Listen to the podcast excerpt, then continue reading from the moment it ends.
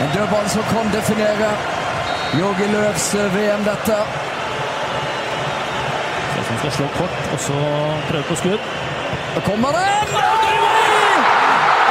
Drømmeskåring av Tony Kroos! 20 sekunder før det er over! Sverige var nære på å sende Tyskland i mer trøbbel, men selvfølgelig Simen, så dukka Tony Cross opp like før slutt. Keepertabbe? Ja, jeg syns jo det. det vi prata ikke så mye om det etter kampen, egentlig, for det var så veldig mye annet å, å ta der. Men jeg, grunnen til at jeg gikk gjennom det jeg gikk gjennom i, i etterkant av kampen eh, John Gudetti, Jimmy Durmas som driter seg ut uh, før, før målet. Det syns jeg er mer interessant enn å, enn å se en keeper som gjør det dårlig. For da blir det klasseforskjell, på en måte. For det Tony Cross gjør, er jo verdensklasse. Og det Robin Olsen gjør, er jo dårlig. Så Nei, det er, det er synd, altså. Sverige hadde jeg, jeg, ah, De var jo så nære, og så klarer de å Men man satt litt og venta på at denne her kommer til å ende i mål. Enten at det blir et innlegg, eller at skuddet bare blåser i krysset. Og så gjorde det det. Og det er noe mektig med at han bare sier 'du steller deg der', så skal jeg spille den ballen til en. I dag har jeg spilt en dårlig match, tenker han garantert. Én meter unna. Og det er jo et ganske klart tegn også til keeper, da. At her kommer det til å komme et hardt skudd inn, og at han da tar et steg inn nesten bak eh, muren sin. Det er omtrent utilgivelig, men eh, Tony Cross eh, Siste minuttene der så virket det som han bare var man on a mission. At han skulle bare gjøre opp for seg, og det funka.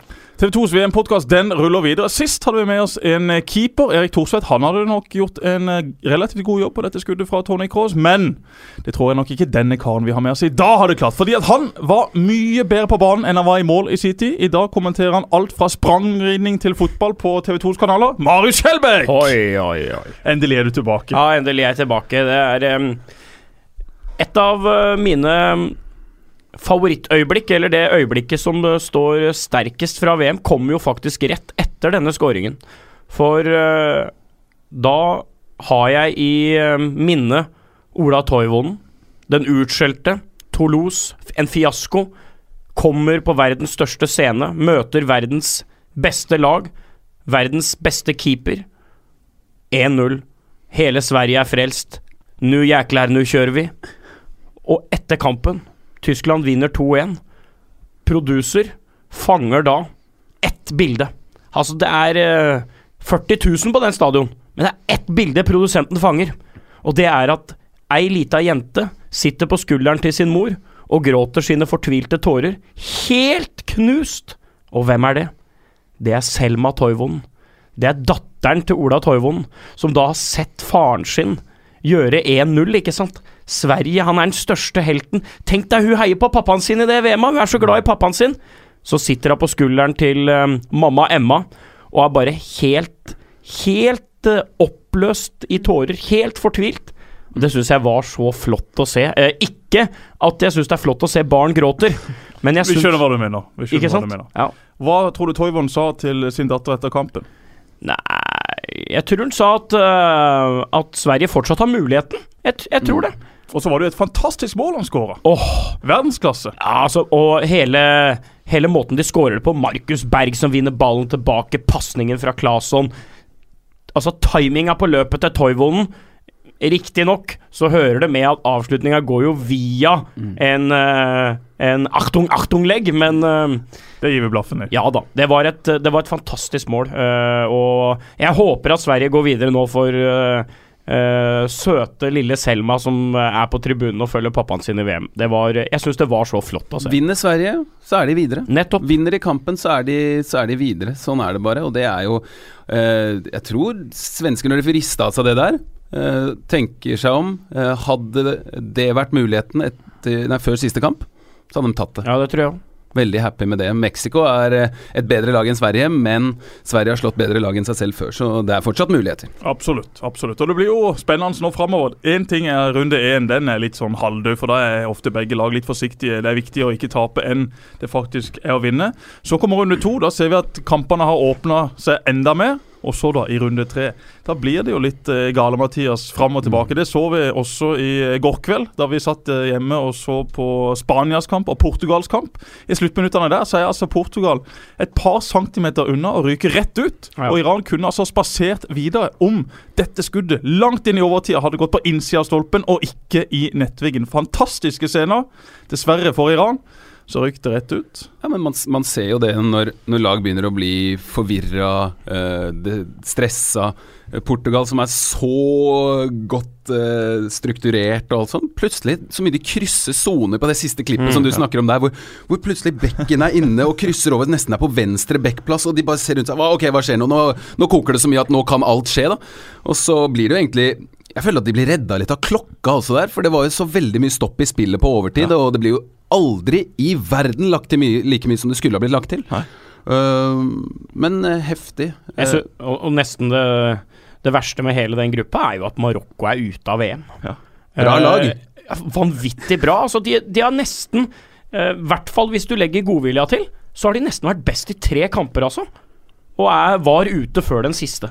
Og måten de gjorde den Spania-matchen i går til en, til en skikkelig match, da, det syns jeg var uh... De gjorde det til en match, de var vel ikke best. Det hadde vært Neida, jeg, jeg, jeg lite det. ran, Jeg, jeg, jeg er enig i det. Jeg sa godvilja til. Ja, den er- de den var god. klart best i første kamp. Den tapte de 1-0 mot Iran. Ja. Uh, de var i Like- hvert fall like like gode. gode, Mm. som Portugal, Helt og ikke bedre enn Spania i går. Så, Men vi legger mye godvilje til. Så, Ja, vi må jo så var de på nivå. ja, men det Men, uh, Men det som var interessant å se med Marokko, da, ja, de er slått ut før den siste kampen, men jøss, de sto opp i duellspill. altså. De ville virkelig vinne. Selvfølgelig er det vanskelig å møte Spania, men det var vondt å møte disse gutta. Og dette er jo øh, Jeg tenker at man ser sånne ting. Gode nyheter for øh, danskene. Nå er det ikke mange timer fra vi spiller inn til Danmark spiller, så dette kan være øh, gammelt nytt for deg som hører på. Men at Peru kommer til å stille opp i den matchen mot Australia, det er jeg helt Klart sikker på. det. Peru, favoritter i oddsmarkedet mot Australia i kveld. Det forteller også mye om hva slags forventning det er til dette peruanske mannskapet. De har ikke gitt opp. De skal prøve å vinne en kamp for sitt folk som har reist til dette mesterskapet i Russland. Det er altså så mye peruanere i eh, dette mesterskapet. Det kommer til å koke på tribunen også i kveld. Peru mot Australia. Vet du hva? Det høres kanskje ut som en litt sånn halvdød kamp på papir, men den gleder jeg meg virkelig til å følge med på. Ja. Vi har en eh, stjernetabell vi, eh, i eh, TV2 VM-podkasten. hvor vi deler ut i hver runde tre stjerner, to stjerner og én stjerne til de spillerne vi mener har hatt den beste kampen. Så til slutt så ender man muligens ikke opp med den som har vært den beste spilleren alt i alt, men man ender opp med den som har hatt flest sinnssykt gode kamper. Og vi starter på tre stjerner, vi, tror jeg. Now he'll unleash one! Sensational goal from Luka Modric! And surely now, Croatia's golden generation are on their way to the last 16! Det er, eh, spør du meg uh, I hvert fall topp tre verdens mest elegante fotballspillere. Han er eh, kanskje min favorittfotballspiller for øyeblikket. Og han, og selvfølgelig hans midtbanepartner Ivan Rakitic i den kampen mot Argentina. Vi skal snakke mer Argentina etterpå. Hva syns du om Luka Modric, eh, Marius? Enig med deg. En uh, trollmann uh, som på Kroatia nærmest får lov å utfolde seg og uh, vise fram det registeret som han på mange måter må overlate litt i klubblaget, synes jeg, da. Han har vært VMs beste til nå. Eh, sammen med Rakitic. De mønstrer jo en eh, fantastisk sentral midtbane i Kroatia. Kanskje den beste i hele VM. Og det er liksom bare Fotball ser litt enklere ut for Luka Modric enn for eh, 99% av alle andre som prøver på det. Touchet, måten han eh, ser ut som han aldri trenger å eh, løpe eller stresse på. Eh, han er egentlig en eh, liten trollmann, og han er faktisk en eh, meget høflig gutt og en veldig ålreit fyr. Jeg husker når Norge blei slakta i Zagreb. 5-1 blei det det. Eh, per Mathias mente det var en kjempematch. Aldri sett så mye positivt. Vi tapte 5-1. Eh, og det, dette var i den perioden hvor norsk presse dro ut på kontinentet med ett mål. Det var å spørre eh, gartnere, bakere, fotballspillere og alle mulige andre yrkesgrupper hva de synes om Martin 15. Og Luka Modric eh, var jo da Real Madrid. Og de fleste nede i Kroatia der, de gadd liksom ikke, å de bare hoppa forbi og vant 5-1. Og nå skulle de på byen i Zagreb og ta påskeferie og litt av hvert. Men Luka Modric, han stoppa opp, han! Største stjernen sto og sa ja. Han hadde lagt merke til han Er norsk, han? Ja, ja. ja. han er bra, har godt førstetouch og fint venstrebein, og da slo det meg liksom Det er ikke så rart du er god, vet du. Hvis du, hvis du, hvis du har et, en, en sånn evne til å orientere deg om absolutt alle alle unggutter som kommer opp og trener. Han hadde liksom et godt bilde av eh, denne gutten, og det, det husker jeg det, det ga, var et sånn sterkt inntrykk for meg. ekstrem kamp mot Argentina. Ja, Argentina Vi skal prate mer om dem. De var eh, fryktelig dårlige, men eh, han får tre stjerner, Jesper. Det er fullt fortjent. Ja, som du sier, Simen. Argentina de gikk. Altså, De gikk fotball. De spilte ikke fotball, de gikk fotball. Det var nesten sånn at eh, Oscar Tabares kunne forsvart en plass på det laget med den stokken han går ut med nå. Altså, for det var så slapt! Det ser ikke ut som de har lyst til å spille fotball. Det utnytter selvfølgelig Modric og co., men som dere to sier, jeg trenger ikke tilføre så mye med det. Jeg støtter alt som er sagt. Eh, også det at han er hyggelig. Han ser ut som en hyggelig fyr, selv om jeg aldri har møtt fyren. Vi går til to stjerner. Der eh, lanserer jeg en Modric har spilt med. En som var eh, sensasjonelt god i, eh, i forrige VM, og som endelig starta. James Rodriguez eh, mot Polen. Helt, helt outstanding. Ja. Og Dette colombianske laget er jo et ekstremt morsomt lag. Den første kampen ble ødelagt eh, relativt tidlig, da Sanchez måtte ut med rødt kort og de fikk straffe imot seg. Da var på mange måter den kampen død og begrava. Men så lenge de er elleve mann på banen, så lenge de har sine viktigste spillere med i denne lineupen, så er det et fantastisk morsomt lag å se på. De sjarmerte oss alle i 2014, og slik de spilte nå mot Polen, så kan de gå ganske langt også denne gangen. Så eh, Hames og eh, Falcao og Davinson Sanchez i de bakre rekka. Altså, det er så mye krydder i dette Jeremina, laget. som Ja. synes jeg heva laget voldsomt, eh, også scora. Og med Hames Rodriguez så fikk jeg nesten en litt sånn derre talisman-feeling. At, uh, at når, når han var tilbake i laget, da kunne liksom Colombia være Colombia igjen. Uh, og i første kamp, eh, som vi kommenterte, Jesper, så var det nesten litt sånn Neymar for Brasil all over. Altså, folk på tribuna, de colombianske mediene, spillerne Åh, Hames er ikke med, liksom. Hames er ikke med. Da går dette her i dass. Dette kan ikke gå. Litt sånne softe, emosjonelle, følsomme latinamerikanere gikk på trynet mot Japan, men med da liksom Hames Rodriguez tilbake. De pasningene han har, altså det blikket, den eh, Og ideene, altså den er jo ikke Det er jo ikke det på mål nummer tre, da, som Cuadrado skårer. Det er jo ikke det at pasningen i seg sjøl er så vanskelig, men det er så, det er så kult å bare se at han har den ideen, for han veit at, vet at høyrevingen kommer til å gå som faen i det, der, i det rommet som er. Det syns jeg var et nydelig mål, og godt gjort av Cuadrado. Den er ikke ferdigskåra, den, altså. Det er full gass mot keeper. En ting som jeg syns er så eh, morsomt å se med, med James Rodriguez, med Javier Hernandez, med Cristiano Ronaldo En del av de ser ut som de koser seg sånn når nasjonalsangene spilles. At det, det, det virker som at det, det, er det, er det motsatte av sånn det er for veldig mange, som, som jeg tror har eh, føler at de har et veldig stort ansvar. Nå er det land ah, så skummelt. Så ser det ut som at de Det er merkelig, for det er liksom så veldig store fotballand som er så små. Eh, tre år, og så er det liksom Det er bare hvert fjerde år, føler jeg, at disse landene virk, At vi virkelig sånn på ordentlig får se det. Man kan jo oppsøke det, men vi kjenner ikke den kulturen som vi ser nå. Mexico, Colombia, Peru spesielt. Det er morsomt, altså. Jeg må eh, legge til det du sa om Cuadrado, helt enig. Og han spilte altså en halvtime i den første kampen. Han var så dårlig, ble tatt av. Ja, de fikk et rødt kort. Han ble ofra fordi han hadde vært dårlig, og kommer inn og spiller en kamp som er så god at han nesten fortjener en stjerne. Jeg skal kaste ut noen navn til, så kan, så kan dere to bestemme hvem som får den siste stjernen. Da sier jeg eh, Rakitic må med. Jeg sier Cuadrado må med. Lovren, Dian Lovren, som plutselig eh, Han spiller mot Messi, altså. Han spilte mot Han var veldig god i Champions League-finalen, også for øvrig, mot Cristiano Ronaldo. Det er en midtstopper jeg ikke har spesielt sansen for. Jeg syns han spiller Han er kun en sånn kjøttestopper som har lite annet, men nå har han vært bra, altså. Eh, Kieran Trippier på England, veldig, veldig god. Eh, Ahmed Musa skårer to nydelige mål for Nigeria. Hva sier dere? Noen andre, kanskje? Altså, Radamel Falcao da Mm. kommer altså inn i et VM og få skåra sitt første VM-mål.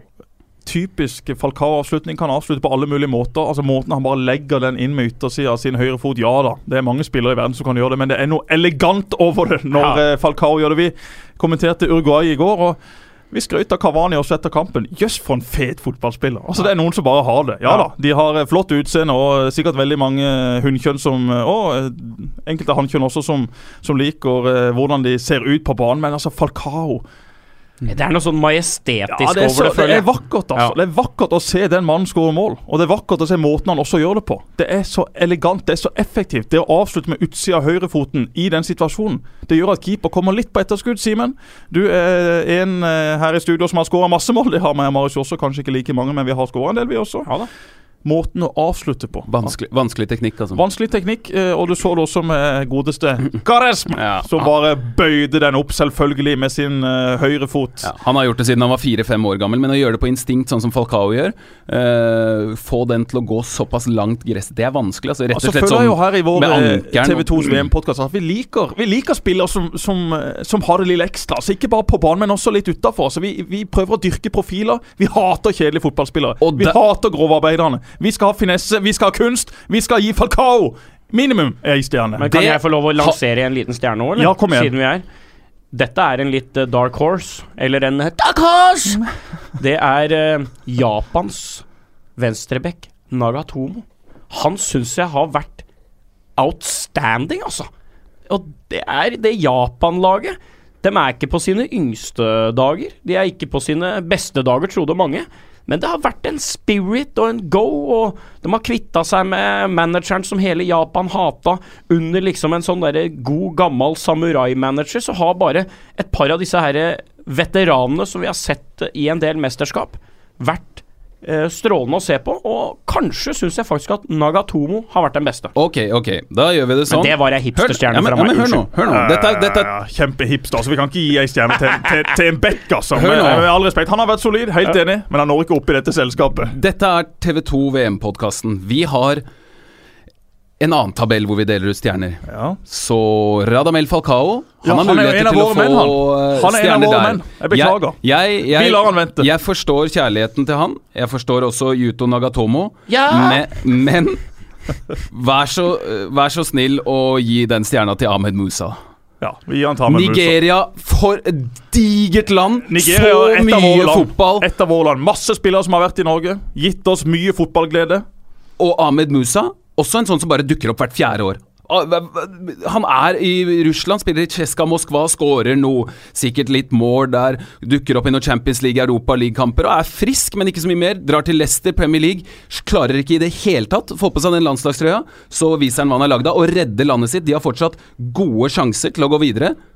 Nå er det jeg, min tur til å skjære igjennom. Ja, jeg, ja, vi gir den ene Jeg liker Jeg liker også at du, at du gir eh, Yuto Nagatomo litt for eh, Men bare litt tilbake til Japan. Eh, Var det du som fortalte meg hvorfor japanere tar så mye bilder når de reiser rundt i verden?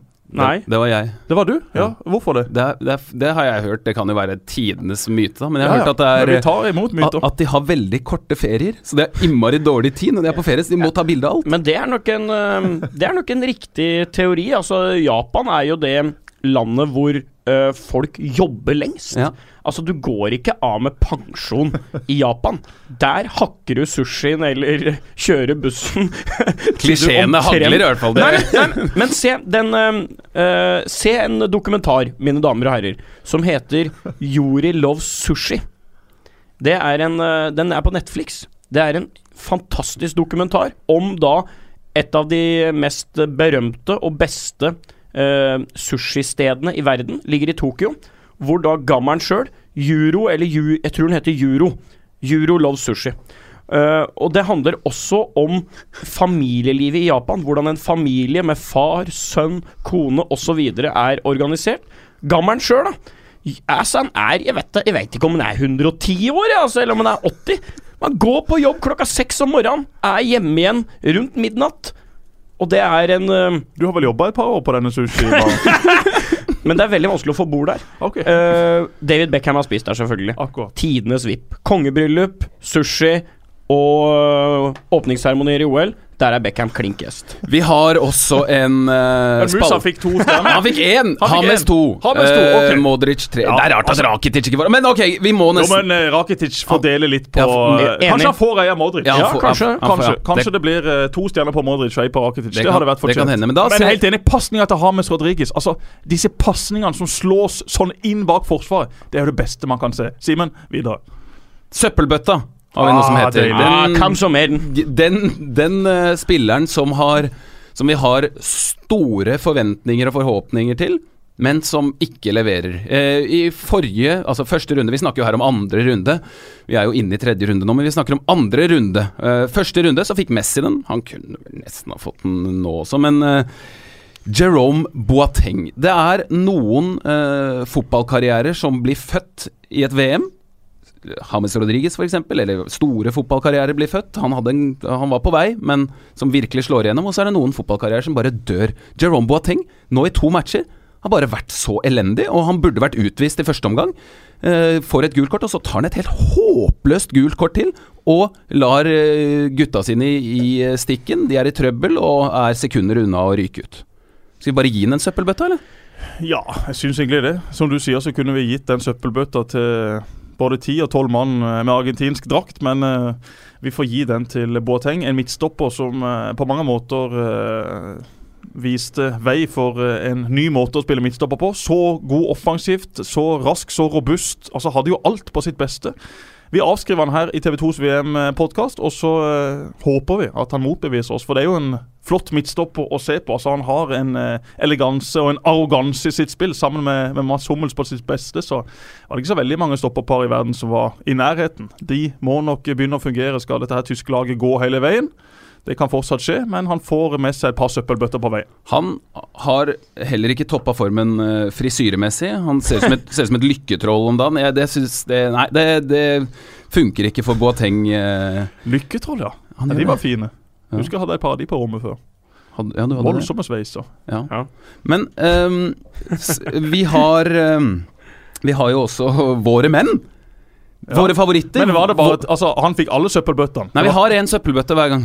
Oi, bare Så en Messi fikk den ene Ok, ok, Jeg trodde det var 3-2-1, at Boateng bare fikk alle seks. Nei, nei, nei, han kunne ha fått det. Men én søppelbøtte til Messi, én til eh, Boateng. Vi venter på Lionel Messi, at han skal få noen stjerner også. Det, det kan fort skje. Tenk for en match det kan bli i kveld. En desperat Messi. Mm. Argentina. Plutselig scorer han hat trick, vet du, og så er dette her i orden. Vi har en gjeng med spillere. Det er 32 nå, dessverre. 31 i og med at Salih Osis hos Senegal ikke er med. Han ble skada rett før. Men vi har 31 spillere. Én på hvert lag som vi har valgt ut uh, mest pga. Uh, det som ikke har med fotball å gjøre. Men dette er jo veldig, veldig gode tider for våre menn, og det er så utrolig gledelig at nå de siste dagene så har vi altså fått mål fra uh, Marco Royce. Vi har fått mål fra Ricardo Careshma. Vi har fått mål fra Salem El Dawsari på Saudi-Arabia. Matchvinner mot Egypt. Men disse to uh, siste, Kareshma og El Dawsari, de uh, har jo skåra i runde tre. Vi skal dele ut tre uh, stjerner til våre menn.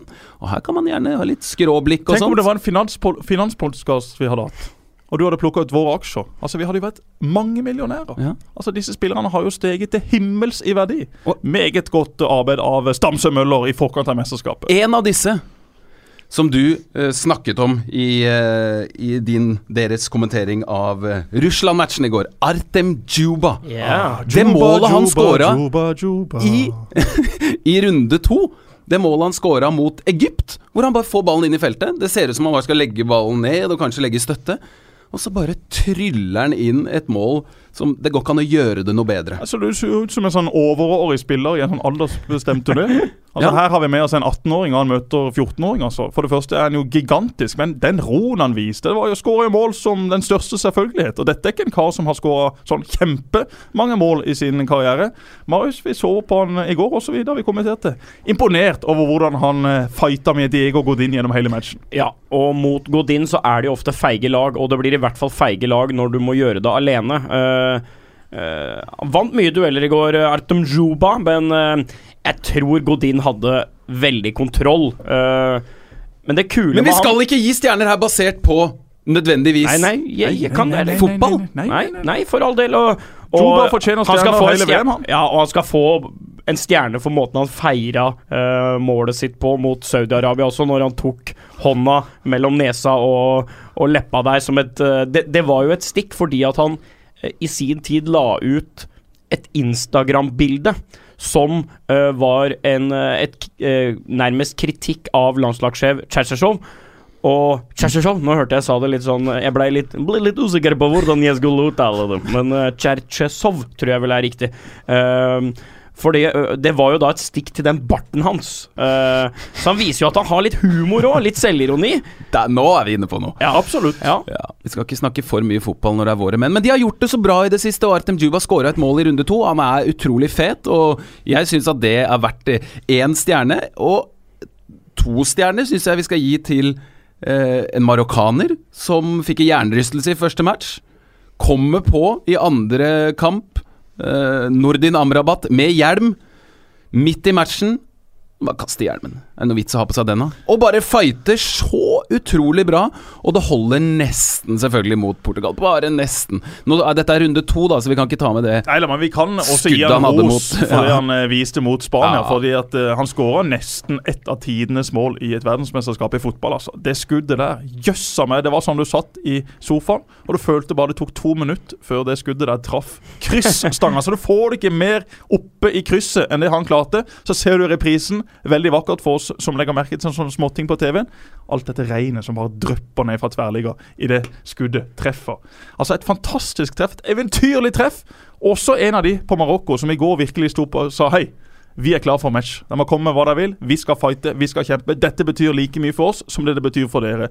Så måten han eh, gikk opp til de spanske spillerne i går og tøffa seg og virkelig viste seg fram på, det var forbilledlig. Han var en av de som sørga for at eh, Marokko og Spania var en av de mest interessante kampene så langt i dette VM. Én stjerne til Juba, to stjerner til Amrabat, tre stjerner til Play ataca Colombia. Ataca Colombia, Falcao, el gol Falcao.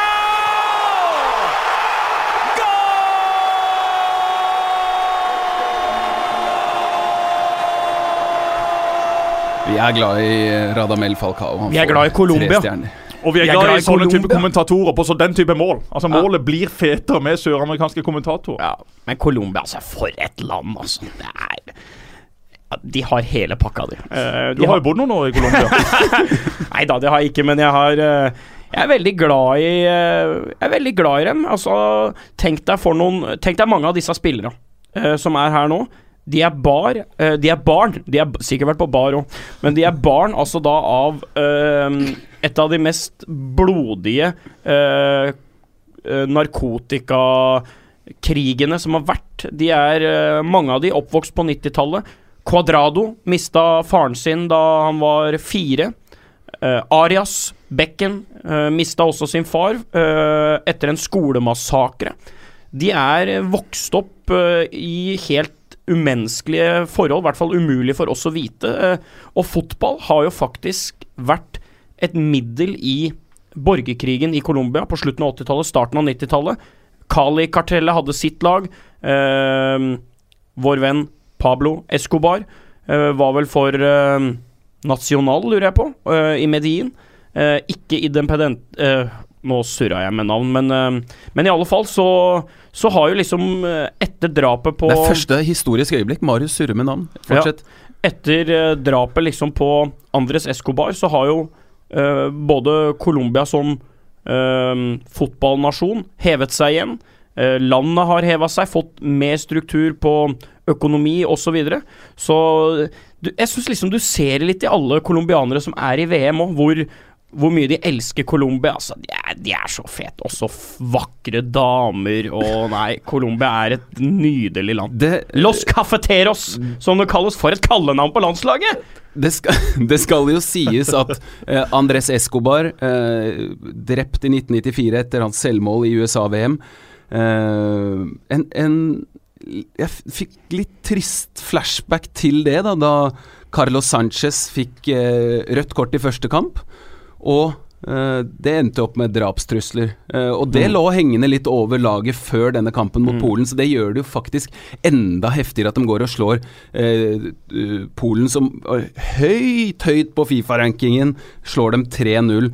Eh, En annen colombianer som er i VM, det er han Vilmar Roldan, dommeren i går i Egypt, Saudi-Arabia. Og eh, jeg var jo ikke hypp på å være så veldig bastant i, eh, i TV 2-studio, men han er jo også, hvis, hvis, man skal dra tida et år tilbake, da, så er han en av de som ødela VAR sitt renommé i Confederations Cup, da han surra det til. Ga, ga først gult kort eh, til en spiller på Kamerun for en eh, grisetakling mot Emre Can på Tyskland.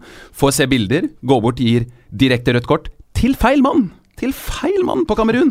Eh, Virvar, rett og slett. Ja, riktig. Vi, måneder senere så ignorerer han VAR eh, i eh, semifinalen i Copa Libertadores. Mot, altså River Plate skal ha en klar straffe.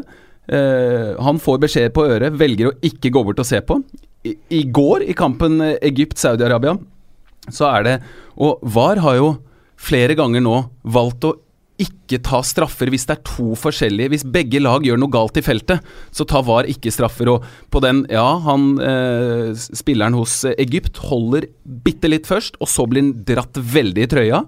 Eh, han får Roldan får gå bort og se på, snu tilbake, tilbake, står i halvannet minutt og ser på, og velger å stå på sitt og dømme straffe. I starten av eh, andre omgang, eh, en 50-50-duell midt på banen. Eh, Egypt kommer fire mot tre. Ingen reaksjoner fra Saudi-Arabias spillere om at det skal være frispark. Hans, sånn jeg tolker det der og da, eh, blåser et frispark som aldri i verden skulle vært. Det er, i ferd med å bli veldig farlig for Egypt. Og så kommer dette øyeblikket etter 75 minutter som jeg la ut eh, video av på Twitter. Jeg viste det etter kampen. Det var bare så utrolig merkelig. Egypt i angrep. Han får ballen mot seg. Det er syv-åtte meters avstand. Og alle i verden, altså helt seriøst, bestemora mi hadde klart å, løf, å flytte seg fra den ballen. Og han velger å gå, og det ser ut som at han går i veien for ballen og treffer ballen med begge beina. Og da kan jeg ikke noe for at jeg blir litt sånn Med den bakhistorien, med det andre jeg har sett i den kampen, at jeg blir litt mistenksom. Altså. Kan jeg legge til én ting eh, med Colombia, siden vi er der? Ja, kjør på. Vi er jo ikke barn av verken narkobaroner eller uh, borgerkrig, men vi som uh, forelska oss i fotball på 90-tallet. Og Colombia vinner 3-0 mot Polen, og vi går opp og ser hvem som er på tribuna der. Det er, det er, det er KGB, Kara gutta boys. Det var fantastisk å se. Valderama og Higita Ja. satt side om side. To oh. folk som har gitt oss enormt mye. Også da, som hadde vært eh, våre menn, skulle vi sittet og lagd podkast da disse gutta var med i VM. Det hadde vært vanskelig å velge mellom uh, Higita og Valderama. ja, det det hadde si. vært tre stjerner ganger to. Ja. Uten tvil. Jeg hedder Mikael Kron Daly. Du hører på TV2-podkasten. Nå, TV2-podkasten. det var en kjempeperformance fra vår mann fra Danmark. Kondeli har hatt en fin, fin karriere. Får nok ikke bidratt så veldig mye for Danmark i dette sluttspillet. Kanskje nå plutselig, i og med at de skal møte Frankrike, eh, en kamp hvor man trenger litt mer eh, rutine enn de har gjort i de to første kampene. Mulig. Du vet Josef aldri. Paulsen er eh, suspendert. Paulsen! Ja. Vi må jo få snakka ferdig oss om VAR, Simen. Ja da, det er sikkert noen som mener at vi snakker for mye om VAR, men det er jo for Ikke vi! med- Du! Ja, Snakker men for altså mye om VAR. Det er jo det hele verden snakker om. Kan ikke vi sitte her på Bjerga og ignorere det? Som du sier, Jespovar er nye kallenavnet nå. Jespovar, det er mitt kallenavn.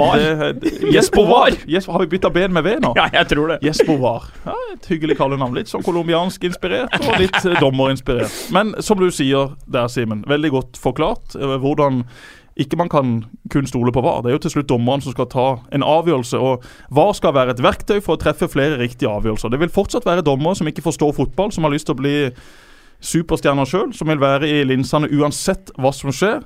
Det skjedde i den kampen. Det må vi også kunne si skjedde i kampen mellom Portugal og Iran, hvor Iran får et straffespark de aldri skulle hatt. Det er stor forskjell på akkurat den situasjonen, syns jeg, og den Paulsen fikk mot seg. Selv om i eh, begge tilfeller så blir hånda truffet. Men her er det jo altså en arm som henger litt mer ned, og så er det bare en heading da som går rett mot bakken, og så treffer han hånda. Og Så får han løpe ut og se dette her, og så står han fortsatt på at dette er et straffespark. Det er for meg totalt uforståelig, men det er jo sånne ting som vil skje. Det vil aldri bli 100% Spesielt med hens, for hens er ikke en bestemt regel. Nei. Hens er vanskelig. Hens eh, går veldig mye på skjønn, eh, og da må vi sette vår lit til at dommerne faktisk kan håndtere det regelverket som er. Jeg syns det er vanskelig, altså. Ja, det kan jeg godt være enig i. Og liksom, å være stole på at de skal fikse det når Jeg er helt enig. Jeg syns jo ikke noen av dem er straffe, da, for Men jeg, folk må ikke bruke at vi har elendige dommere mot systemet var. Det er jo ikke sånn at Mm. fordi at i 1000 kollisjoner så, dreper, så drepes ti mennesker pga. airbagen. Du vipper jo ikke ut airbagen og kjører uten airbag fordi at det noen ganger går galt. Du fortsetter jo å ha airbagen i bilen fordi at den da redder 500 av de menneskene. Sånn er det jo å forstå. Dette var godt sagt. Ja, men altså, Sånn er jo diskusjonen, ikke Ja, men jeg er jo helt enig. Ja. Helt, når, du, når du ga meg det airbag-bildet der ja, Tenk på det neste gang du er ute og kjører bil. Gjerne med meg. Ja, ja, Da er det jo jeg som kjører. Ja. For, for Jesper har jo Jesper kan jo tendere til litt sånn narkolepsi, faktisk. Eh, så jeg husker en gang vi skulle på en eller annen sånn trekning eller et eller annet sånt noe. Eh, hvor var vi? var det? Vi skulle i Sveits. Yes. Så vi landa i Zürich, og Jesper eh, med trillekofferten og 'Jeg ordner bil. Jeg har en kompis som jobber her, så jeg går og ordner en bil nå. Så ba- bare stå der og vente, dere, så går jeg og ordner en bil. Så vi sto og venta, da. Kommer eh, jeg og fotograf Erik Monrad Hansen, for øvrig tatt da den VG-greiene. Lookalike Hames Rodriges. Ikke til å tru. Hames redigeres. Så Så, så t- eh, står da Jesper, da, da ordna en bil og full pakke, da. Og bare nærmest på autopilot, bare gi meg nøkkelen. Jeg kan godt kjøre, jeg. Blir så trøtt, vet du. Kan ikke dere sovne på veien? Ja, men jeg blir trøtt. og da Ja. finnes det jo en, en eller annen tørr vits inni her et eller annet sted når han heter Jesper. Ja, det, det er det nok. Det er det nok. Men, men helt seriøst, hvis noen der ute har et tips til hvordan å unngå å bli trøtt bak rattet, så tar jeg gjerne imot det. Ja. For det er altså livsfarlig for meg å kjøre bil over lengre strekk, og det må jeg jo gjøre innimellom. Altså, jeg holder på å sovne. Ikke rundt hver eneste sving, men jeg må altså kjøpe en kilo med smågodt og en hel haug med kaffekopper og Red Bull og det som Og du verre er. liker jo ikke kaffe engang. Nei, nei, nei, men du drikker drikke det i bilen for å prøve å overleve.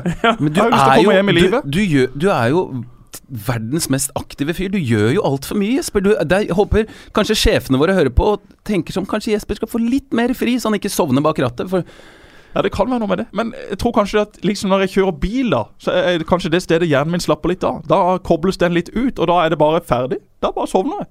Da er det egentlig tid for å legge seg. Så ofte så kan du se da min Volkswagen Toran fra 2006 stå langs veien, enten mellom Oslo og Kristiansand, eller Kristiansand og et eller annet sted. Så sover jeg rett og slett litt i veikanten. Da er det bare å få lagt setet ned og prøve å få meg 10-15 minutter. Det hjelper faktisk, men det er ikke alltid jeg klarer det heller. Nei, for det går ikke an å legge ned setet i den bilen din, for baki der så ligger det polakker og treplanker og datamaskiner nei, og sånn sabeltann. eh, Det er, altså, jeg har aldri vært i en mer rotete bil, altså, enn da jeg skulle eh, besøke Kristiansand én gang, da, siste året. Da skulle jeg sitte på med Jesper fra flyplassen og inn til byen. Da var også Ole Martin Årst med. Da leser jeg spillet. Fire meter med invalide fotballspillere. De må nesten få sitte foran.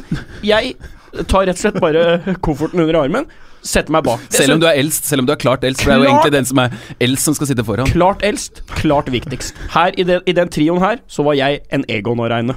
Men jeg må da sette meg i baksetet. Kom ikke inn i baksetet! Der lå det fiskegarn, sånne sabeltannsverd, et telt. Det lå ei verktøykasse. Det var ikke mulig Fortsett. Hæ? Marius, det skal jo sies at vi er Varius! Vi, ja, Varius. Varius. Jesper var. Altså, Vi er jo midt i en flytteprosess. Ja da. Eh, jeg hadde jo en Tesla en gang i tida. Det var jo et eh, av mine dummeste kjøp. Ja, jeg tjente faktisk penger på bilen, for den steg litt i verdi. Det ble litt dyrere. Dollarkursen steg eh, til himmels osv. Men det var som en kamerat sa. Vet du hva, Jesper? Du kan ikke kjøre rundt i en sånn fin bil. Det blir som å putte smoking på en gris. Derfor måtte jeg selge den. Og så kjøpte jeg meg en Toran fra 2006 til den nette sum av 70 000 kroner. Jeg har hengerfeste, jeg har skinnsetter, jeg har automatgir og har en bil ikke trenger å være redd for åssen ser ut. Så denne her hiver inn isolasjon og katter og det som verre er. Det funker helt topp for meg. Og så får du bare leve med at ikke det er total komfort hver gang du skal sitte på med meg. Vi For ei avsporing vi har vært vi på. er inne i en VM-uke. Men var vi ferdig med VAR, liksom? Har vi fått lagt den ballen død og fått forklart at det er ikke sånn at VAR vil ordne alle ting? VAR skal være et verktøy. Simen, du følger nøye med på italiensk fotball. Tallene derifra de er krystallklare. Yes. Uh, det har gått fra 6 dommerfeil bruk av, nei, uten bruk av VAR, 6 eh, grove, sånn anser, klare dommerfeil, til eh, 1,5% Det vil si at det er 70 færre dommerfeil. Da. Eh, tror det blir vel mer enn 75% Altså det blir eh, kutta ned altså du, du slipper tre fjerdedeler av stygge feil, og jeg syns jo det Jeg synes det er et helt vidunderlig verktøy som TV-seer. Det Foreløpig så Jeg tror også det er ganske bra på Sånn jeg har forstått, så er det ganske bra for publikum også. Jeg, jeg, jeg, jeg er ikke så veldig mye ute og ser kamper og kjenner på det derre å være supporter. Det, jeg er mer Jeg ser mer på TV, og jeg syns det gjør TV-opplevelsen mye bedre, og det blir mer rettferdig. Eh, Poenget er jo å unngå de store feilene. Altså unngå dommerskandalene. Og Det er jo ikke sånn at jeg eh, ikke tror at VAR trenger å gås litt til. Det vil jo være noen barnesykdommer, det vil jo være episoder hvor VAR ikke klarer å fikse feilen til dommeren. Men det er jo sånn hver gang VAR ikke fungerer 175% riktig, så er altså innboksen min full. Da blir jeg altså skjelt ut som VARs største beskytter. Jeg forstår jo også at VAR ikke fungerer optimalt til nå, men det blir bedre. Det har allerede blitt bedre. Vi unngår større dommerfeil, vi unngår store skandaler. Det er det viktigste for meg. Nok om VAR for i dag. Hilsen Jesper VAR. Vi er inne i en VM-uke Ja. som kan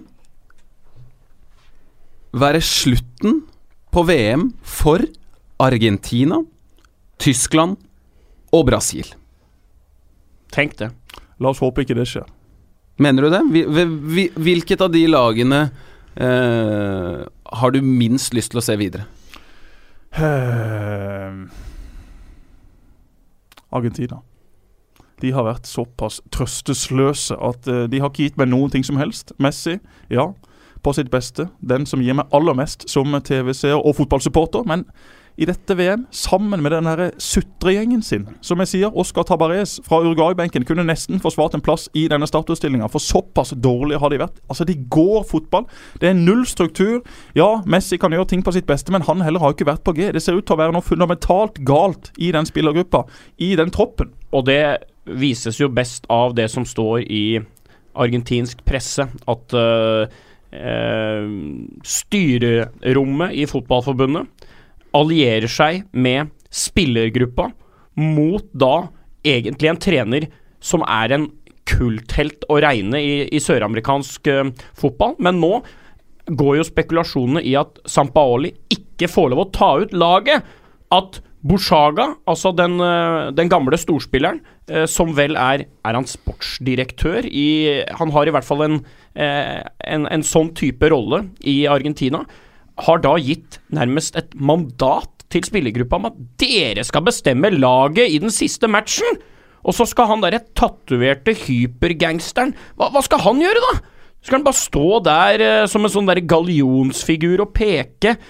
Altså, det er, det er jo Men er ikke dette veldig overraskende? Totalt på trynet! Med tanke på hva han fikk til med Chile, altså den fotballen de spilte, med den intensiteten, med det trøkket, altså det var nesten umulig å spille mot dem, fordi at de var så enormt flinke til å forsvare seg, til å vinne ballen, til å kontre. Men det er nøkkelordet. i- Intensiteten. Og det, det presset, den intensiteten i øh, Når de skal vinne tilbake ballen Sampaoli er jo veldig opptatt av, av det. De åpner seg når de har ballen. Spillerne er spredd utover. Eh, veldig mye tempo. Eh, Pasningene skal gå fort, ikke så mye kjeling med ball. Eh, og når de da øh, mister ballen, så er det full spurt, gjenvinning. Og det er jo altså Lionel Messi Jeg ser på han som tidenes beste fotballspiller. Jeg kan ikke forstå noe annet enn at han er det. Men han, Aguero, Mascherano, etter hvert Banega kommer inn, med fler, det er jo ikke sånne Uh, gjenvinningsspillere lenger, i hvert fall. Uh, Mascherano var det kanskje uh, for en stund tilbake. Men de har det jo ikke i seg. Og når de da ikke Hvis de prøver på det, hvis man tar tre steg fram og prøver på det, men ikke gjør det 100 og ikke gjør det samla, så ser det ut sånn som det gjør. Da Ja, det er det det beste som kan skje. Da- altså, det det å verste, presse, det- å presse halvhøyt, eller det å prøve å presse høyt i 80% det går ikke. Da blir blir du spilt ut, og da er det alvorlige problemer også for de som skal prøve å forsvare seg. så vi på eh, Tro vi så det i hvert fall på ett av de to siste målene til Argentina.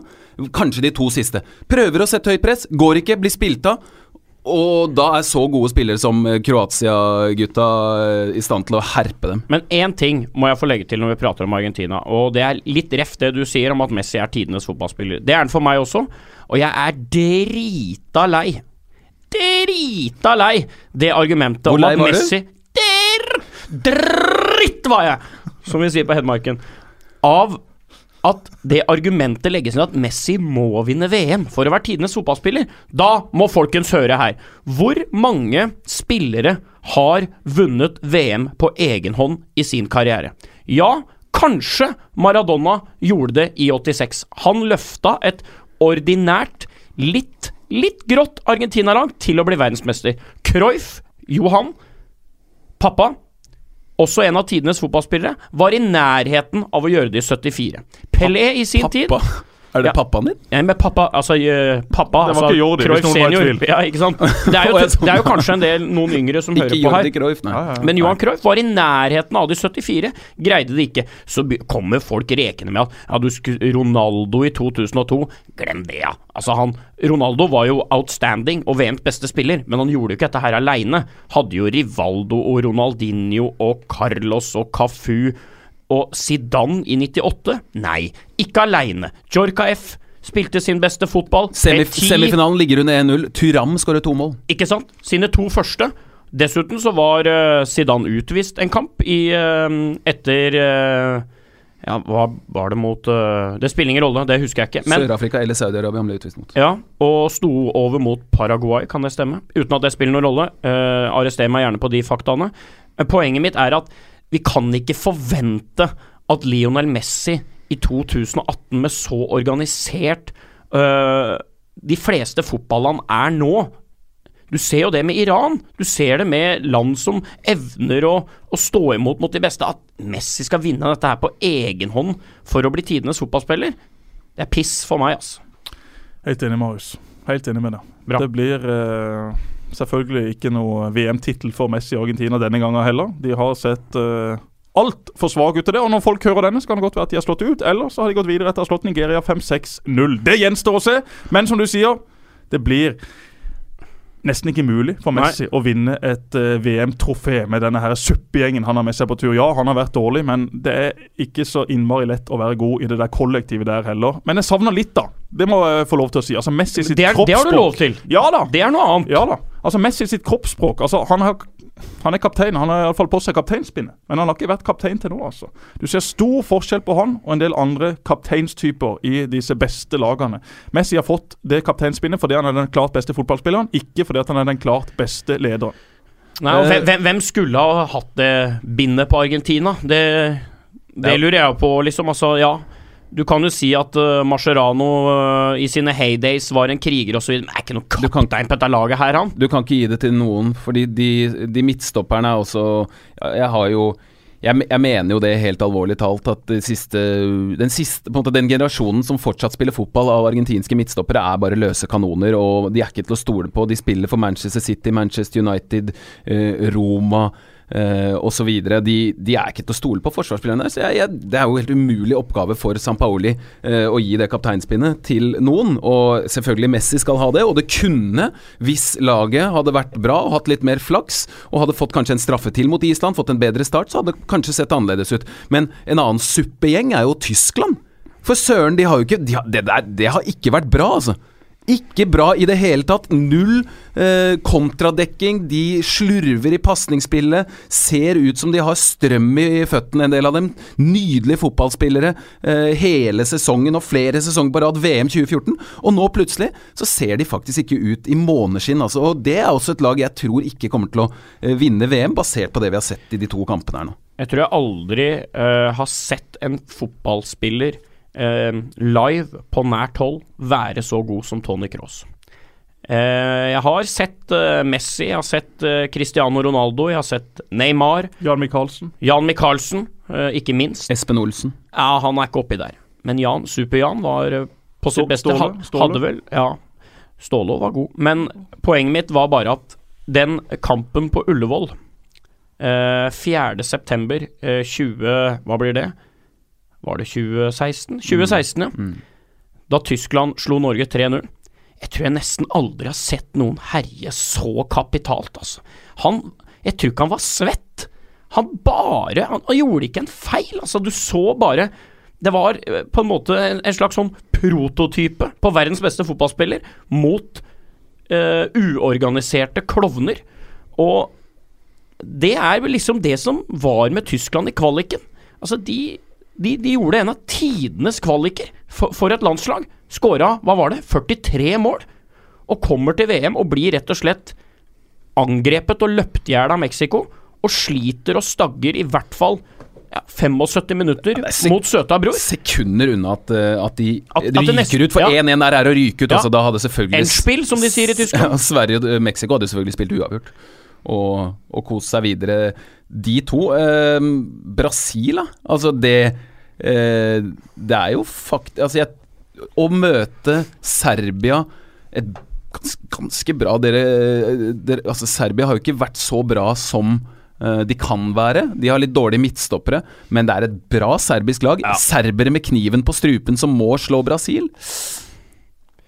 Ja, altså de er eh, De har jo da litt i likhet med sine balkanske naboer i mine øyne en av de mest ballsikre sentrale midtbanene i, i hele VM, i eh, Matic og Milivojevic. De har Mitrovic, som er ganske langt unna å være Luis Suárez, eh, Dennis Bergkamp eller Pelé. Men han er en kanon landslagsspiller, altså. Han er i stand til å rive enhver midtstopper i verden i fillebiter Dusan Tadic har toppa formen. Som var eh, Som har vært kanskje Serbias beste landslagsspiller sett over eh, et par år nå. Veldig god Eh, kvaliken. veldig god. Eh, og så har de jo da Kolarov, Jeg er bjørnen Kolarov. Og så har de Hva var det for en sang? Har du ikke hørt den? Nei. Um, Barne-TV. jeg er bjørnen Kollargol, jeg kan synge dur og moll. Um, Fikk aldri med meg. nei. Og så har har de jo du, du, Jeg venter jo litt på at uh, var, han, var han deres mann, uh, Milekovic Savic? Vi hadde Kolarov, selvfølgelig. Ja. Oh, jingle bells, jingle bells, jingle all the way.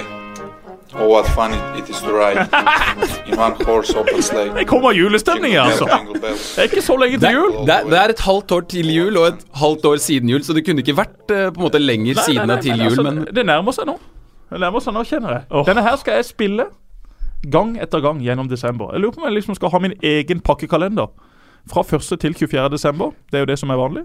Og bare hver dag er dette lydklippet. Tenk når uh, sønnen til Jesper, uh, Svein junior, skal gå uh, i barnehagen, og så skal alle synge liksom uh, hver sin julesang, og så kommer sidemannen synger 'Tenn lys', og andremannen synger uh, 'Du grønne glitrende tre, du grønne glitrende tre, god dag', og så kommer Svein junior og 'Jingle bell, jingle bell', 'Jingle all the oh, way'. oh, what fun it is. For det er den eneste julesangen pappa, pappa spiller. Ja, men det skal jeg faktisk gjøre. Jeg syns dette her er strålende leveranse av Kolarov, Har vi- og har vært god også i uh, dette VM. Har vi fått Vi har det, jeg vet vi har fått det. Vi har bedt om spørsmål, vi har fått spørsmål. Tusen takk for at du hører på TV2 VM-podkasten. Det gleder oss veldig at noen eh, hører på, og at uh, mange også melder inn uh, og lurer på ting. Ja, Det kommer masse spørsmål, og vi skal faktisk dra gjennom en hel haug av de.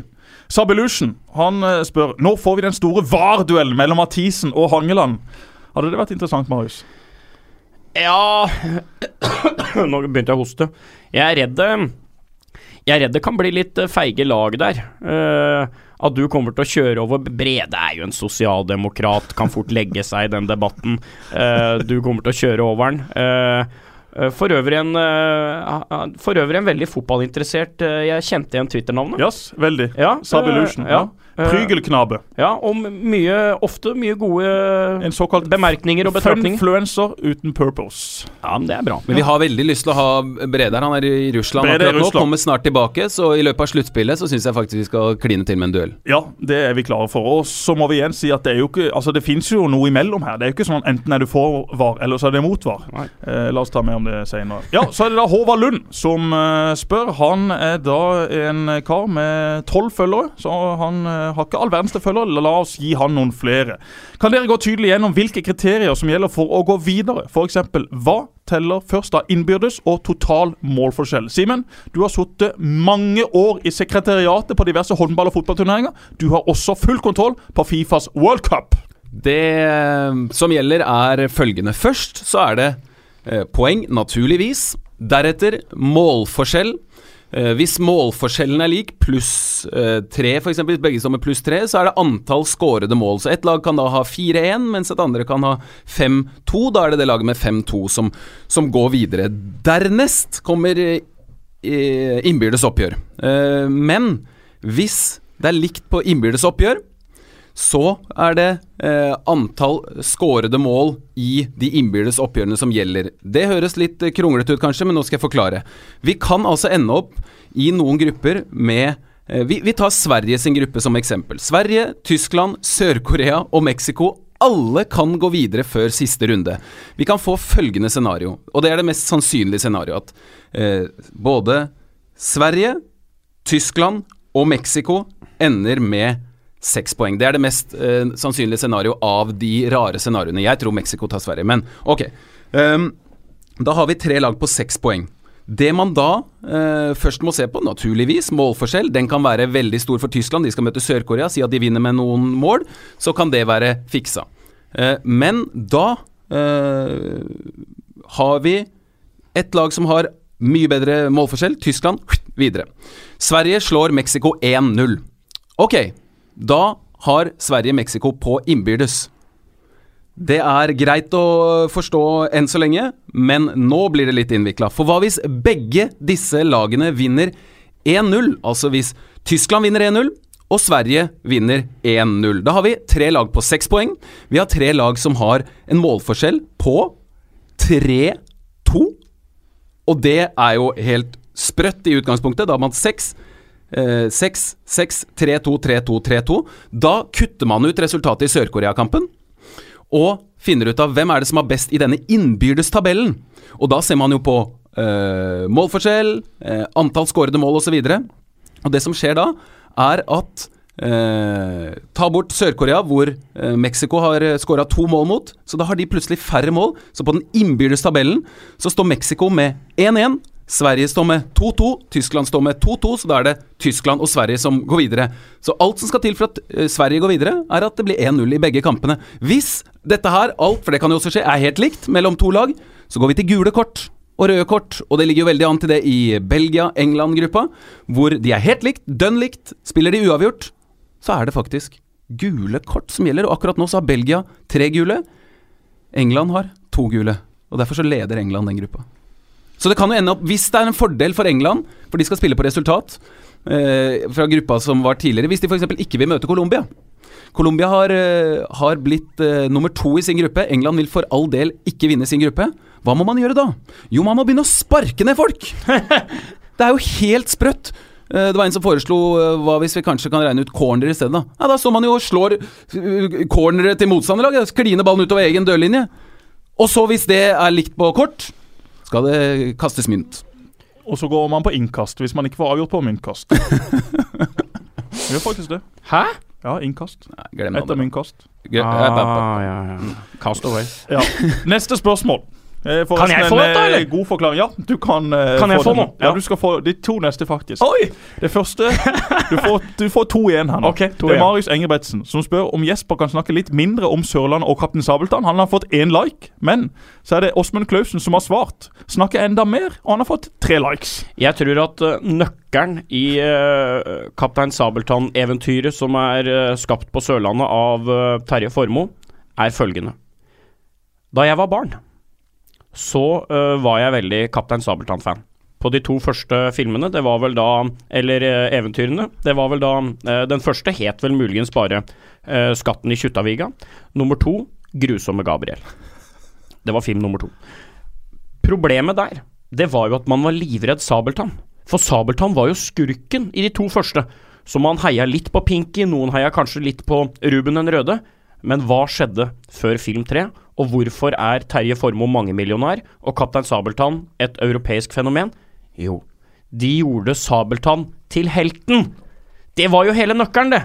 At nå i dag heier unger på Sabeltann og hater han derre Maga Khan som kom i film nummer tre, Den magiske diamanten, hvor Marco, fetteren til Pinky, hadde den, husker jeg, han grønnkledde, eh, som sang den hvis jeg var kongen på havet. Det er bare min Det har alltid vært min betraktning om Sabeltann. Ja. Fra film to til tre så gjorde de Sabeltann til en av de snille, og ikke de onde. Ergo den største profilen, eh, trekkplasteret, blir snill og mulig å heie på for barn. Terje Formoe, mangemillionær. Og eh, hva heter han på Twitter? Eh, Marius og Åsmund var de to som sendte inn spørsmålene her. Ja. Det har rett og slett eh, gjort at Marius stiller det spørsmålet i 2018. Ja. Christer Borgersen han eh, spør hvor stor skandale er det om eh, Jesse Lingard ikke vinner gullballen, Simen? Ja, den er stor. Uh, ja, men, Um, Bæ, bæ. Vi går videre til Åsmund Larsen. Hvem blir verdensmester, Marius? Dejan Lovren eller Jordan Henderson?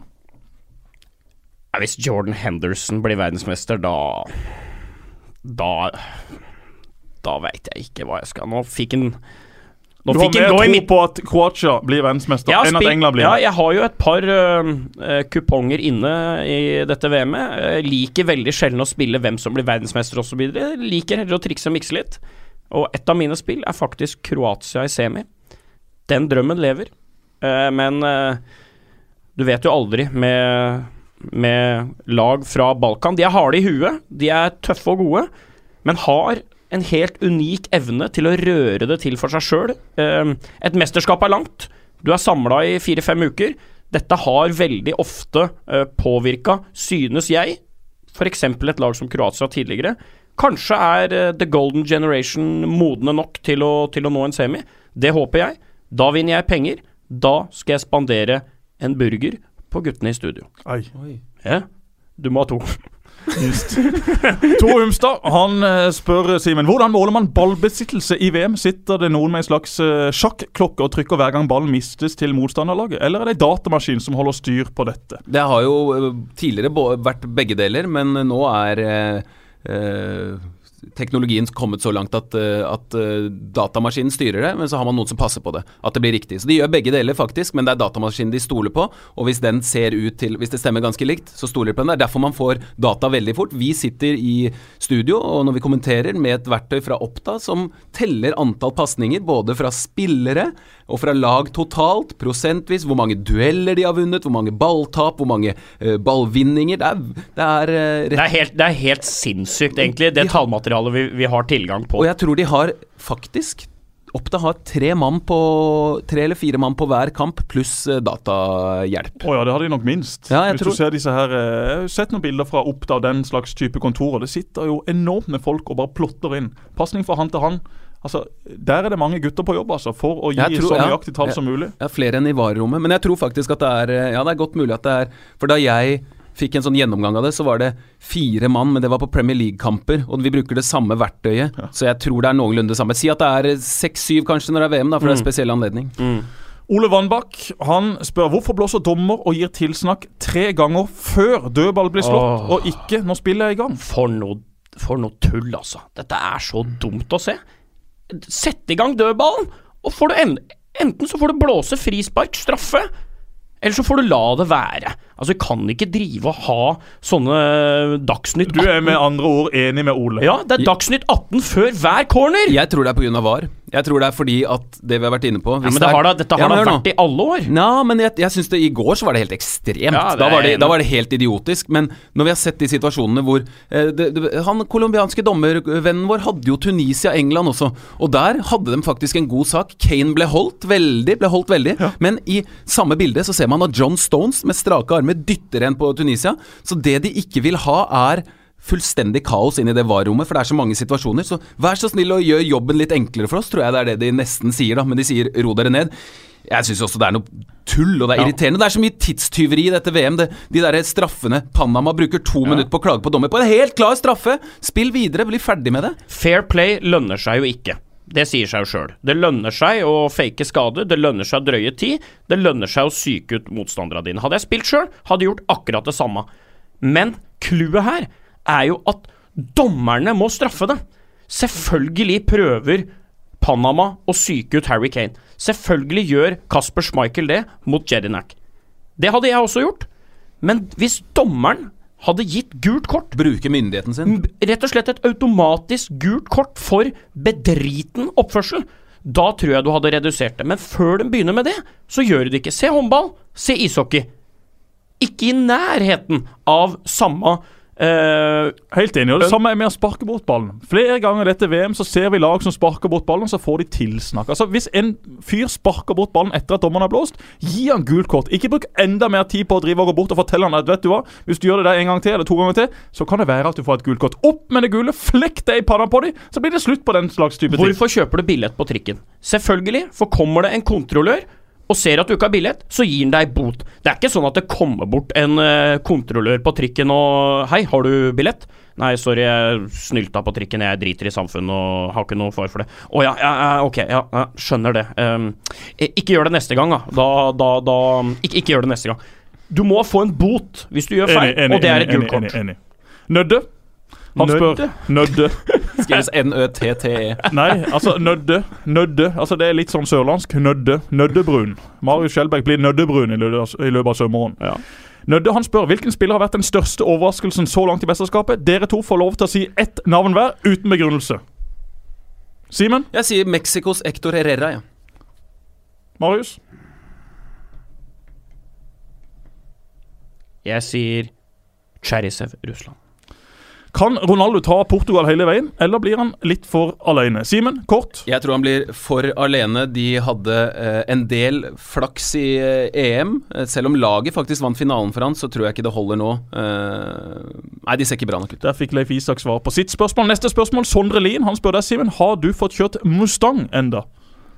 Ja, jeg gjorde det faktisk i forbindelse med en innspilling av Premier League-podkast. Så det har du fått gjort. Mm. Ja. Jørgen eh, Heggen, hvordan har det gått i VM-manager? Dårlig. Dårlig, dårlig, dårlig. Men jeg, er midt på treet på ekspertligaen, men dårlig, dårlig. Det, er- det er lavt nivå. Ja, det er fryktelig lavt nivå. Eh, vi har også fått da fra Sindre Kaldal Hører en del snakk om at VAR vil ta bort diskusjonene rundt dommeravgjørelser. Har ikke dette mesterskapet allerede motbevist dette? Føler det er mer diskusjon enn noen gang? Dette er et spørsmål til deg, Jesper. Ja, det er det. Eh, jo, eh, godt poeng, Sindre. Det vil gå seg til etter hvert. Nå er VAR nytt. Det er mange som ikke aner hva de prater om i denne debatten. Derfor blir det selvfølgelig mye prat om dommeravgjørelser om VAR. Dårlige dommere, det vil vi ha i all mulig tid. VAR kommer til å redusere mye av feilene de sier. Derfor vil vi etter hvert også få mindre ting å diskutere. Even Bugge, VAR jo flere kokker, jo mer søl. Ja, Even Bugge? Ja. ja, ja. Fra Ringsaker, han. akkurat. Jeg er gammel venn av meg, dette her. Ja. Jeg er interessert i fotball. Er det ikke bedre å kun bruke videodømming på offside? Og Vi så i går et godt alternativ på Å, det, var, det var jo veldig, veldig bra! Veldig, veldig bra. Dette var da Spania, Spania, som mm. skårer like før slutt. Assistentdommer står med flagget nede. Han hever flagget idet ballen går i mål. Dette er jo som et signal om at dette her må vi få sjekka i The War Room. Det fikk de da gjort. På de første bildene på TV så ser du at her er det mm, veldig marginalt. På reprisen så ser du også jøss, her er det litt vanskelig å se hva som skjer. Og så kommer det én til reprise fra et nytt sted, og der ser du. Dette er onside. Men det er altså så små marginer, nesten umulig å se for assistentdommer. Der får VAR vist seg fra sin beste side. Videre til eh, neste spørsmål. Nå nærmer vi oss slutten. Hvem av de norske spillerne har prestert best til nå? Og Hvis han da mener norske spillere, så må jo det være folk vi kjenner til Ja. litt fra, Ja. fra Norge. Ja. Um.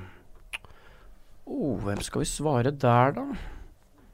Jeg gir uh, Haldorsson den, altså, for å redde Ja da, ja, straffesparket enig, enig, enig. Det er litt av en ting å ta med seg videre i VM. Hvem tror dere skårer mest av Kane og Lukaku? Det er Eirik Borlaug som eh, spør. Jeg må jo svare Lukaku, for eh, det er jo det jeg har tippa. Så det blir, eh, det blir Jeg var nesten litt det var nesten litt irriterende at den hat tricken til Kane eh, gikk inn der, altså for det.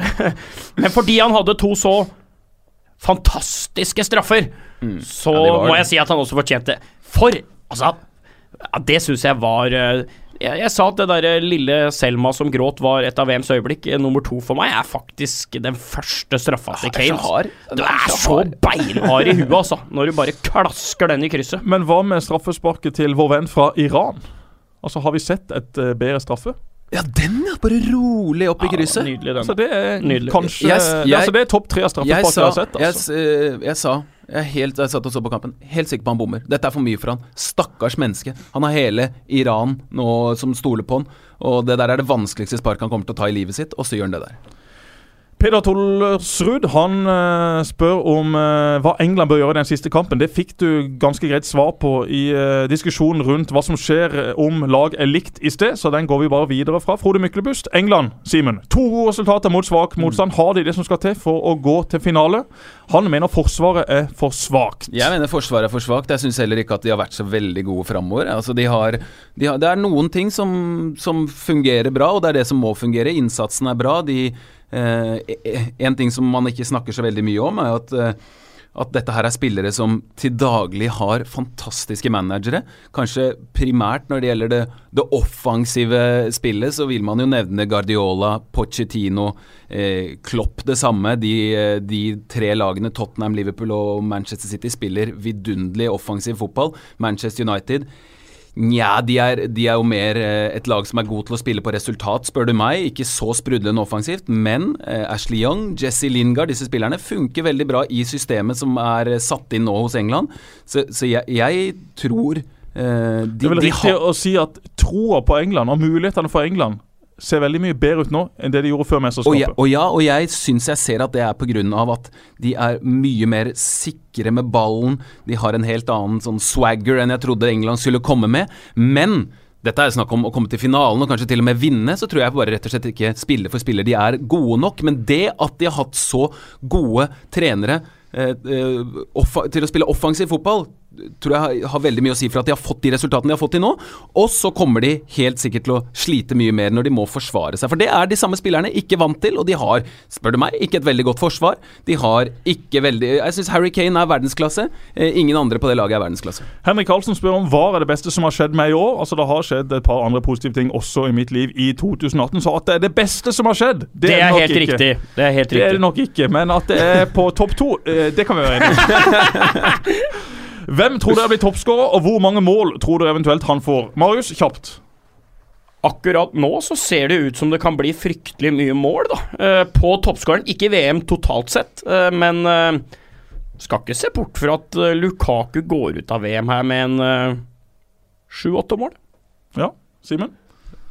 Ja, jeg har jo Litt også- over det som Ja, var for fire år siden. Jeg har også følt Lukaku, for han har et bedre lag rundt seg, og han virker som at han er i kjempeslag. Så jeg blir med på Lukaku åtte, da.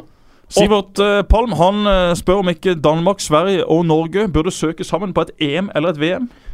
Eh, Det har jo for så vidt vært uh, tema uh, opptil flere ganger. Eh, nå blir det jo litt spennende å se hvordan Uefa løser EM i framtida. Om to år så blir jo EM spredd fra eh, Baku til eh, Madrid, eller var det Barcelona? Det spiller ingen rolle. Men eh, det skal i hvert fall spres over hele Europa. Det skal spilles kamper på Friends Arena, det skal spilles i Amsterdam. Det skal da, som jeg også da sa, spilles i Baku, den eneste millionbyen i verden som ligger under havet. Ligger jo da ved Det kaspiske hav i Aserbajdsjan. Bjørn Rudsagen spør hvordan det går med fektinga til Svein. Jo, det går greit. Han slo nettopp i stykker en bil. Riktignok er ikke bilen så fin, for det var min bil, men den får lov til å slå på akkurat så mye som han vil. Et lite lyspunkt. Han ser ut til å være venstrebeint. Han ser ut Ah. til å være venstrebeint. Oi. Ja, for den har knukket et par av de forbanna sverdene han har. Han ser ut til å være venstrebeint. Ikke noe sånn kjempetilslag enda, men han er atletisk. Han er en maskin. Hvis vi nå får lært han til å håndtere ballen, gutter, så har vi en ny middels elitespiller på vei. Bør Kristiansand være vertsby ved eventuelt arrangering av VM i fotball? Altså Det som er det fine med Sparemarken Sør Arena, er at Erik Soler og Ernst Ravnås i sin tid, disse gutta som virkelig sto i bresjen for å få bygd dette praktanlegget, det finnes faktisk en mulighet til å legge på en etasje til på den arenaen. Nei. Ja da, I tilfelle disse 14 000 setene skulle bli litt for lite for start en gang i tida. Så jeg sier som en av mine gode kompiser når han kommer inn på et av byens utested etter midnatt her. Her er det muligheter. Tenk for øvrig når han eh, Svein hjemme hos, eh, hjemme hos eh, Jesper gjør noe gærent. Så sier mor eh, Svein, nå må du opp på rommet. Og da strekker Jesper armen være. Vi ser det på VAR først. så nå har Jesper installert sånne VAR-kameraer hjemme, som da hver gang Svein gjør noe gærent, så går Jesper da inn i en slags sånn derre videodømming om det har vært gærent nok. Men det skal være en klar feil for det skal omgjøre den Naturligvis. avgjørelsen. Ja. Trine er altfor rask på labben, tror jeg. Ja, ja, er det. Ja. Og har veldig kort lunte. Ja. Ja, Altfor kort. Johannes Børstad han eh, skriver Danmark får kritikk for mangel av god nok spiss i VM. Var det en tabbe å droppe Bentner, Marius? Nei, Nei, det var jeg det tror ikke. ikke det, Niklas altså. Bentner hadde hatt null og niks å bidra med for Danmark i dette VM. På det tidspunktet troppen ble tatt ut, så var Åge Hareide i tvil om at var han frisk, var han skada.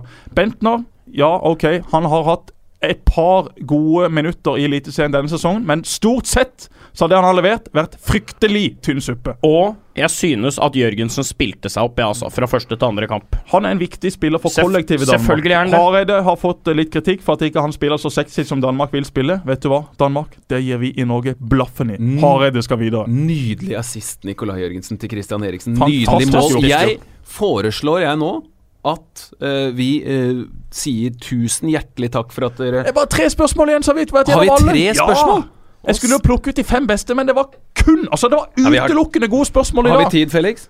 Ja, vi har tid. Okay. Da må vi være Felix, kjappe. Felix hadde måla. God oh. spiller i, i HamKam Ja, City. Ikke han som sitter her i studio og hjelper oss. Nei. Oppheim Petter han spør hvilket lag har dere størst tro på til å vinne. VM? Hva sa du? Hvilket lag har dere størst tro på at vinner VM? Simen? Um, akkurat nå Du, jeg sier Brasil. Jeg står på Ja, Brasil. Marius? Uh, jeg står fortsatt på Spania.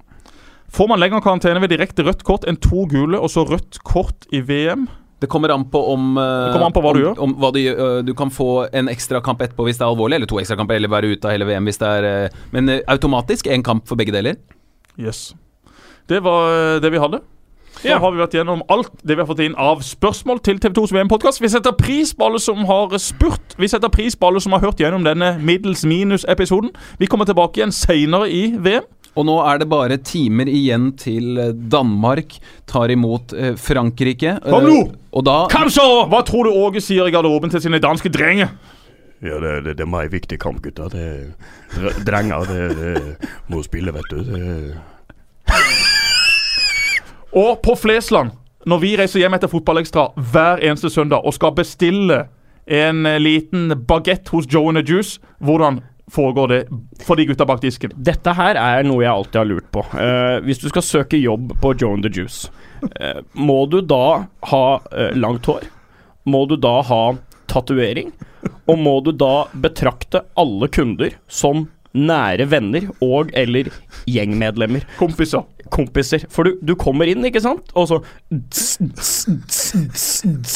Musikken er så høy, ikke sant. Så ser du opp på den tavla der, og så bare Hva faen skal jeg ta her, da? Nei, skal jeg ha en nellikjuice med asparges og appelsinkonfetti? Eller en tunfisksandwich med estragon og koriander. Jeg vet da faen. Ah, hva skal du ha, kompis?! Nei, vent litt nå. Jeg, for det første er vi ikke kamerater, og for det andre så har jeg ikke helt bestemt meg ennå. Nei, jeg går for en sånn Jeg går for en sånn Serrano, jeg. Serrano-kompis, ja. Hva heter du kompis? Ja, Marius. Takk skal du ha, kompis. Jeg roper navnet ditt, jeg, kompis.